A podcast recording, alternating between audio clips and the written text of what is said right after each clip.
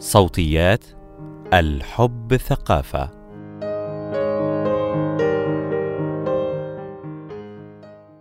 معظم الناس يمكنهم مقاومة عدوى الالتهاب الكبدي بدون علاج. ولكن عند عدم القدرة على مقاومة الفيروس يمكن أن تتم الإصابة بالعدوى مدى الحياة الالتهاب الكبدي بي المزمن. وفي مثل هذه الحالة يمكن أن تتسبب العدوى بتلف دائم في الكبد والوفاة نتيجة لذلك. الالتهاب الكبدي B hepatitis B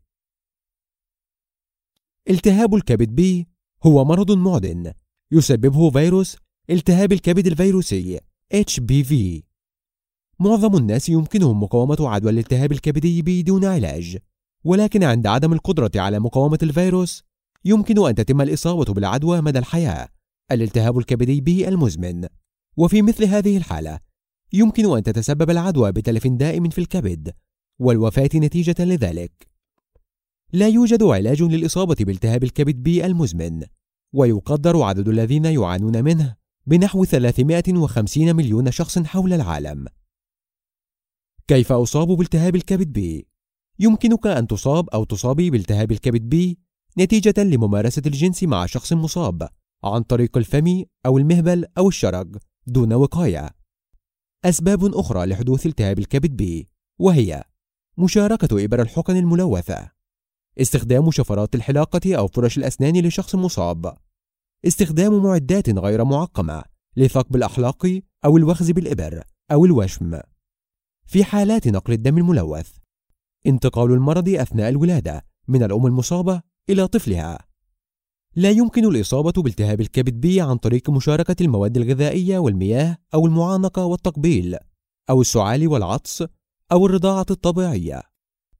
بعض الأشياء قد تزيد من احتمال إصابتك بالتهاب الكبد بي وهي حقن المخدرات عمليات غسيل الكلى العيش مع شخص مصاب بعدوى التهاب الكبد B المزمن التعرض للدم خلال عملك كطبيب أو ممرض. كيف أحمي نفسي من الإصابة بالتهاب الكبد B؟ واحد اللقاح التطعيم هو أفضل وسيلة لمنع عدوى التهاب الكبد الفيروسي B ولأجل الحصول على الفائدة الكاملة من التطعيم تحتاج إلى أخذ ثلاث جرعات على مدى فترة من ثلاثة إلى ستة أشهر. اثنان استخدام إبر معقمة في كل مرة تجري فيها عملية نقل دم تأكد من استخدام الإبر المعقمة والمبدأ هو نفسه إذا كنت تستخدم أدوية الحقن. تأكد من استخدام إبر معقمة جديدة ولا تشارك الإبر مع غيرك. ثلاثة استخدام الواقي الذكري. ما هي أعراض التهاب الكبد بي؟ معظم الناس المصابين بعدوى التهاب الكبد بي يظهرون أيضا علامات للعدوى.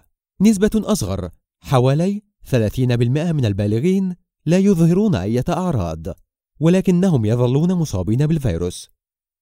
أعراض التهاب الكبد بي تظهر عادة في غضون ستة أسابيع إلى ستة أشهر بعد الإصابة. والأعراض هي نفسها لدى النساء والرجال وهي تميل لأن تبدأ بعلامات تشبه الإنفلونزا بما في ذلك الحمى والتعب. بعض الناس قد يعانون من الغثيان والتقيؤ والإسهال بالإضافة إلى فقدان الشهية وفقدان الوزن. العلامات الأخرى للعدوى بالتهاب الكبد بي تشمل ألم في البطن لون البول الداكن آلام المفاصل. اليرقان أي إصفرار العين والجلد. حكة في الجلد.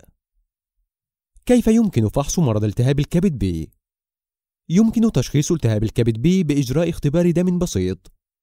إذا كنت تعتقد أنك قد أصبت حديثا بالعدوى قد تنصح بالانتظار لمدة تصل إلى شهرين قبل إجراء الفحص. هذا يرجع إلى أن الفيروس وبتأثيره على الجسم قد يستغرق كل هذا الوقت الطويل كي يظهر في عينة الدم. إذا كان طبيبك يشتبه في أنك مصابة بعدوى التهاب الكبد بي المزمن قد تجرى لك اختبارات أخرى. ويمكن إجراء اختبار لتلف الكبد أو للسرطان باستخدام التصوير بالموجات فوق الصوتية. واعتمادا على شدة الإصابة يمكن للطبيب أخذ عينة من نسيج الكبد لمعرفة ما إذا كنت قد أصبت بتلف الكبد أو بسرطان في الكبد. كيف أتخلص من التهاب الكبد بي؟ بالنسبة ل 95% من البالغين تستطيع أجسامهم طرد الفيروس في غضون أربعة إلى ثمانية أسابيع دون تطعيم. وخلال هذين الشهرين من الممكن نقل العدوى إلى أشخاص آخرين.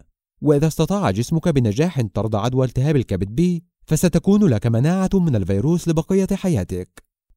وبالنسبة للخمسة بالمئة المتبقية من المصابين بالتهاب الكبد بي لا يستطيع الجسم طرد الفيروس.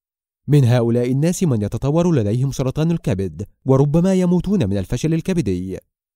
فإذا كنت واحدا من الخمسة بالمئة ممن يصاب بعدوى التهاب الكبد بي المزمن فللأسف يتعذر علاجك من المرض. ولكن هناك احتمال أن تظل بلا أعراض لمدة قد تصل إلى عشرين عاما بعد الإصابة وسوف يوصي لك طبيبك باتباع نمط حياة من شأنه أن يساعد على احتواء الأعراض. علاج التهاب الكبد المزمن ب سوف تنصحك الطبيبة بتناول الطعام الصحي وشرب الكثير من السوائل وتجنب الكحول سواء أكانت لديك أعراض أم لا. لمكافحة تلف الكبد مثل تليف الكبد أو سرطان الكبد قد يصف الأطباء interferon alpha أو lamivudine أو Baraclude وتهدف جميع هذه الأدوية إلى إبطاء تكاثر الفيروس في جسمك.